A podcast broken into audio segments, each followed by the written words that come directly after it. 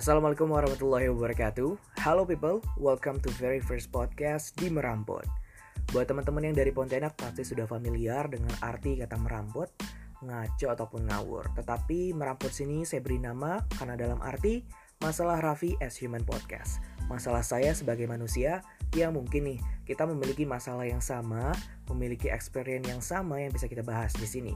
Sebelumnya saya ucapkan terima kasih kepada teman-teman yang sudah mau meminjamkan luang waktunya, yang sudah mau meminjamkan fokus dan mau mau meminjamkan nih telinganya untuk mendengarkan merampot ini. Langsung saja kita pada pembahasannya.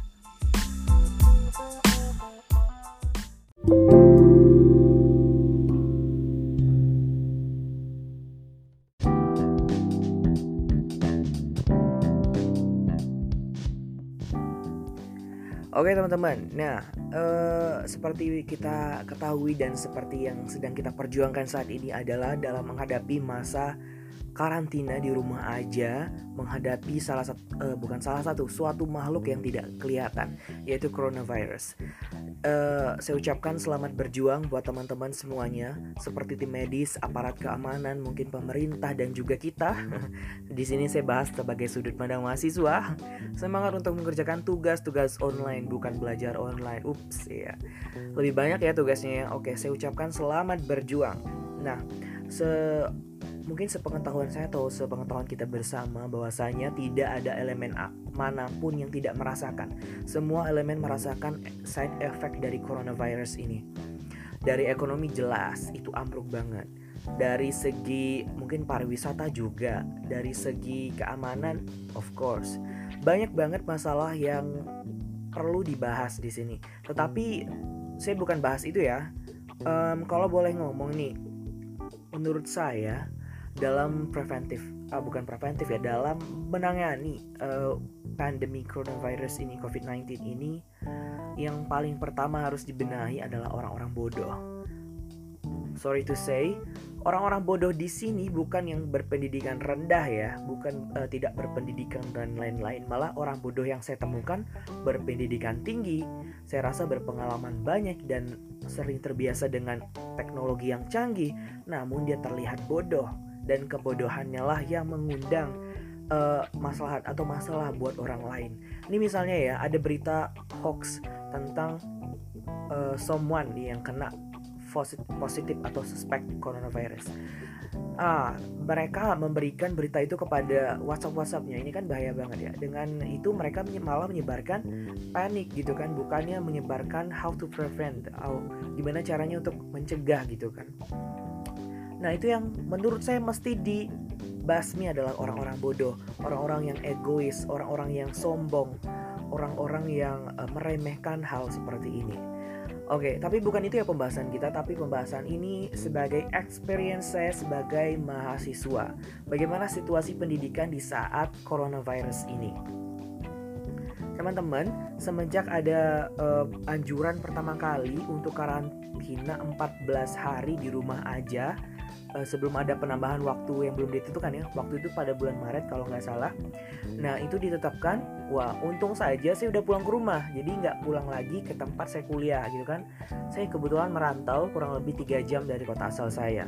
Nah uh, ini kan tentunya kita pahami kalau mahasiswa oh kita harus ngapain? gitu kan uh, apakah menghubungi dosen metode apa yang kita gunakan oke okay experience saya selama satu minggu pertama sampai dua minggu pertama itu sangat terlambat sekali dalam proses pengajaran. Uh, mungkin menurut saya nih, in my opinion, kita sebenarnya tidak pernah menduga. Memang sih semuanya tidak akan pernah menduga, tidak akan pernah mengetahui adanya pandemi coronavirus atau COVID-19 ini.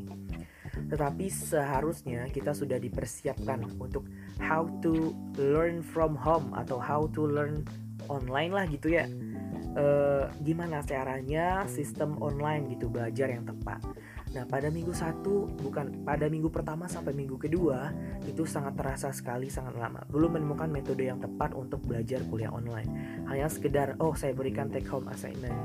Uh, kamu find on YouTube ini videonya dari ini kampus ini dan lain-lain. Oke, okay, this. Okay. Tapi menurut saya, saya yang belajar dengan sistem gimana ya, lebih lebih enak mendengarkan lalu melihat langsung, mendengarkan, menulis dan melihat itu kalau saya belajarnya kayak gitu.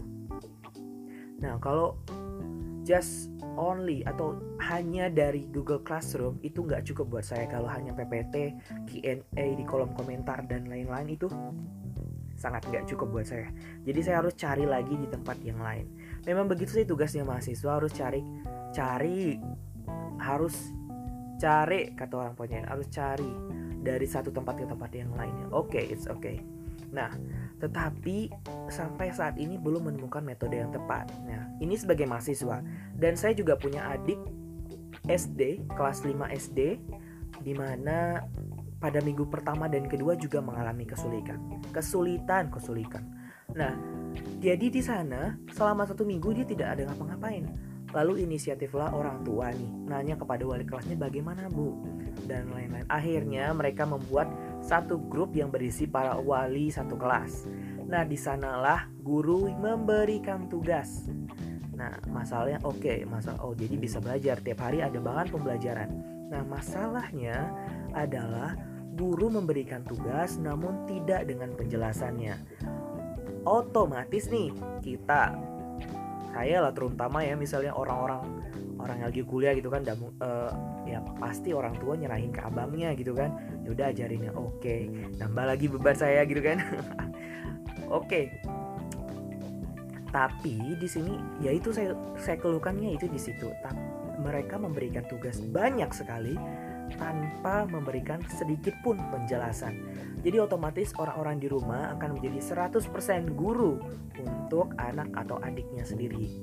Sebenarnya nggak masalah sih, cuma ya ada masalahnya juga gitu kan di mana sih tang uh, seharusnya ada tanggung jawab atau inisiatif dari gurunya. Misalnya nih memberikan saran oh coba deh tonton video ini. Jangan oke okay, hari ini tugasnya ini ya besok dikumpulin. Oke okay, hari tugasnya ini ya besok dikumpulin. Oke okay, ibu bapak tolong dikirimkan foto anaknya yang sedang mengerjakan tugas katanya.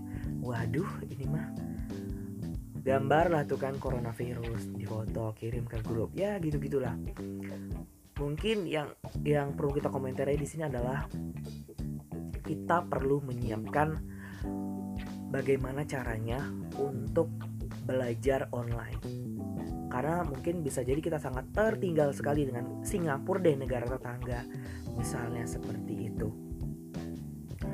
Uh, ya begitu ya teman-temannya kalau masalah dari mahasiswa paling yang the important thing is kuota teman-teman asli kalau pakai zoom itu berapa kali waduh kuotanya ya walaupun kita nggak pernah PC ya VC VC ya video call video call ya lumayan lah.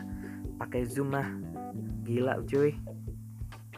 Ya udah kalau gitu seharusnya kita menemukan kenyamanan belajar kita sendiri-sendiri ya.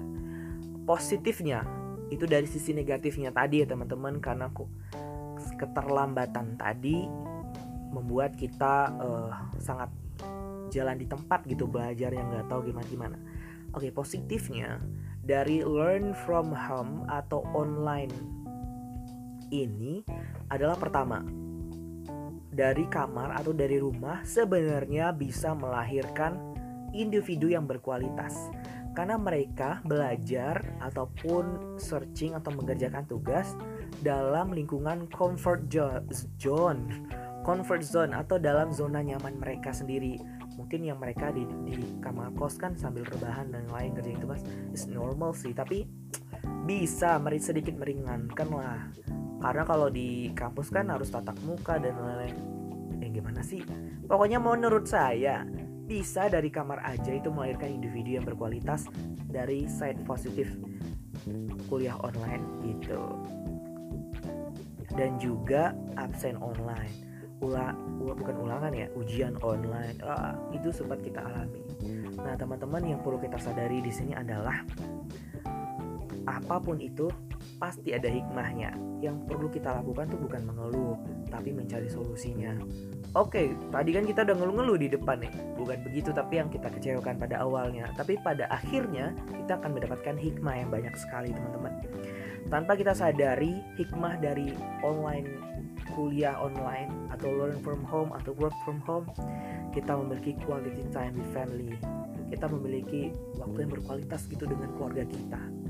Mungkin dari A terutama saya ya saya yang merantau 4 jam dari kota saya untuk belajar kemudian pulang hanya se sebulan atau dua bulan sekali itu sangat sungguh uh, hik hikmat banget. Ya bisa pulang gitu kan menurut orang tua dan lain-lain. Nah dari inilah kita bisa belajar oh kita sering makan bareng satu meja makan nah kalau saya saya nggak yang sebelumnya jarang banget tidak pernah mengajarkan adik saya untuk belajar di sini saya belajar menjadi seorang guru Nah, dan juga di rumah kita menjadi produktif ya walaupun itu dipaksa ya. Baru juga scroll IG gitu kan. Tolong sapu. Coba gak bantu cuci piring, cuci piring. Itu pakaian coba dicuci. Cuci. Walaupun dengan pemaksaan tapi kita produktif teman-teman. Oke okay, produktif. Kebetulan ya dalam corona situasi pandemi ini banyak sekali kompetisi online yang bisa kalian ikuti. Nah kalau kegiatan saya ini saya mengikuti banyak sekali kelas online.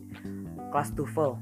Kelas TOEFL ada dua grup WhatsApp yang saya ikuti dari dua institut bukan dua lembaga yang berbeda kemudian saya ikut kelas pelatihan menulis dari suatu lembaga penerbitan Kemudian saya pernah ikut kuliah dari Zoom dan lain-lain. Oke. Oke, bahas tentang Zoom nih. Buat kalian yang tahu, tolong kasih tahu gitu kan. Bener gak sih Zoom ini uh, telah mencuri data dan lain-lain? Jadi saya sempat baca tri, uh, di Twitter gitu kan. Uh, tentang Zoom dengan oke. Okay, auto hapus dong Zoom. Oke, okay, udah dilakukan jadi jadi masih bingung gitu kan. Dosen juga makin bingung gitu. Jadi gimana gitu? Belum menemukan solusi untuk kuliah online yang bagus nih kan. Karena zoom katanya kayak gitu. Presiden jokowi juga ganti nggak pakai zoom katanya bilang gitu. Ya udahlah. Yang penting kita bisa lah calling calling buat nilai UTS uas oke ada quote bahwa ujian semester ini tergantung dari sinyal dan solidaritas teman-teman Oke lanjut. Uh, hikmahnya selanjutnya adalah selain produktif quality time kita juga punya hobi baru nih. Buat kalian yang rebahan, kalian bisa menjadi profesional rebahan in the world. baru kali ini, baru tahun ini, bahwa rebahan menyelamatkan dunia. Intinya teman-teman, kita tidak bisa melakukan uh, atau menjudge atau menyalahkan orang lain atas situasi seperti ini tapi adalah kita memanfaatkan situasi seperti ini agar bisa menjadi individu yang lebih baik. Mulai dari di rumah aja, kalian bisa melahirkan banyak sekali karya. Ja, uh, mulai mungkin kalian yang walaupun hanya menonton film, walaupun hanya scroll Instagram, kalian bisa membuat karya. Nih contohnya, buat TikTok masak masak masak itu sebuah karya loh. Walaupun gagal, it's normal karena untuk menemukan sebuah bola lampu, kalian harus gagal beratus-ratus kali. Bagi kalian nih harus buat TikTok mama muda, saya yakin tidak ada satu kali tag yang berhasil. Itu adalah sebuah karya. Makanya kalau pas di rumah nih kan nonton orang main TikTok, jangan dijudge, tolong. Ya gimana ya, walaupun yang kalian bilang alay dan lain-lain, saya saya pasti rasa kalian juga pengen main kayak gitu. Oke, jangan dijudge, itu sebuah karya dari orang lain. Ya, kecuali dalam batas normal ya atau Google dan lain-lain. Nah, uh, dan juga gimana ya produktif bisa dilakukan dalam oke gimana ya bentar-bentar oke okay. kalian produktif yang pertama karena motivasi tinggi yang kedua karena gabut. Betul gak? Jadilah produktif yang karena motivasi tinggi ya jangan karena gabut. Nanti hasilnya nggak gak maksimal. Misalnya kayak tadi TikTok buat kue ya angus. TikTok buat tutorial dan lain-lain tapi jangan edik gitu ya jangan kecanduan main TikTok ya. Oke salam bis buat anak TikTok Oke teman-teman, jadi kesimpulannya adalah jangan kita menyalahkan orang lain atau menyalahkan pemerintah dan lain-lain, tapi kita bergerak dari diri kita sendiri untuk bagaimana bisa bermanfaat untuk orang lain dan terutama diri kita sendiri, teman-teman. Oke, beginilah sampai ujung podcast mini kita pendek sekali bukan? Yang penting kita ambil dari hikmah positifnya. Oke, teman-teman terima kasih yang sudah mau menjamkan telinganya, sudah mau menjamkan otak dan isi pikirannya. Jangan lupa follow Instagram saya untuk mendengarkan dan lain-lain. Oke, see you next time people. Assalamualaikum warahmatullahi wabarakatuh.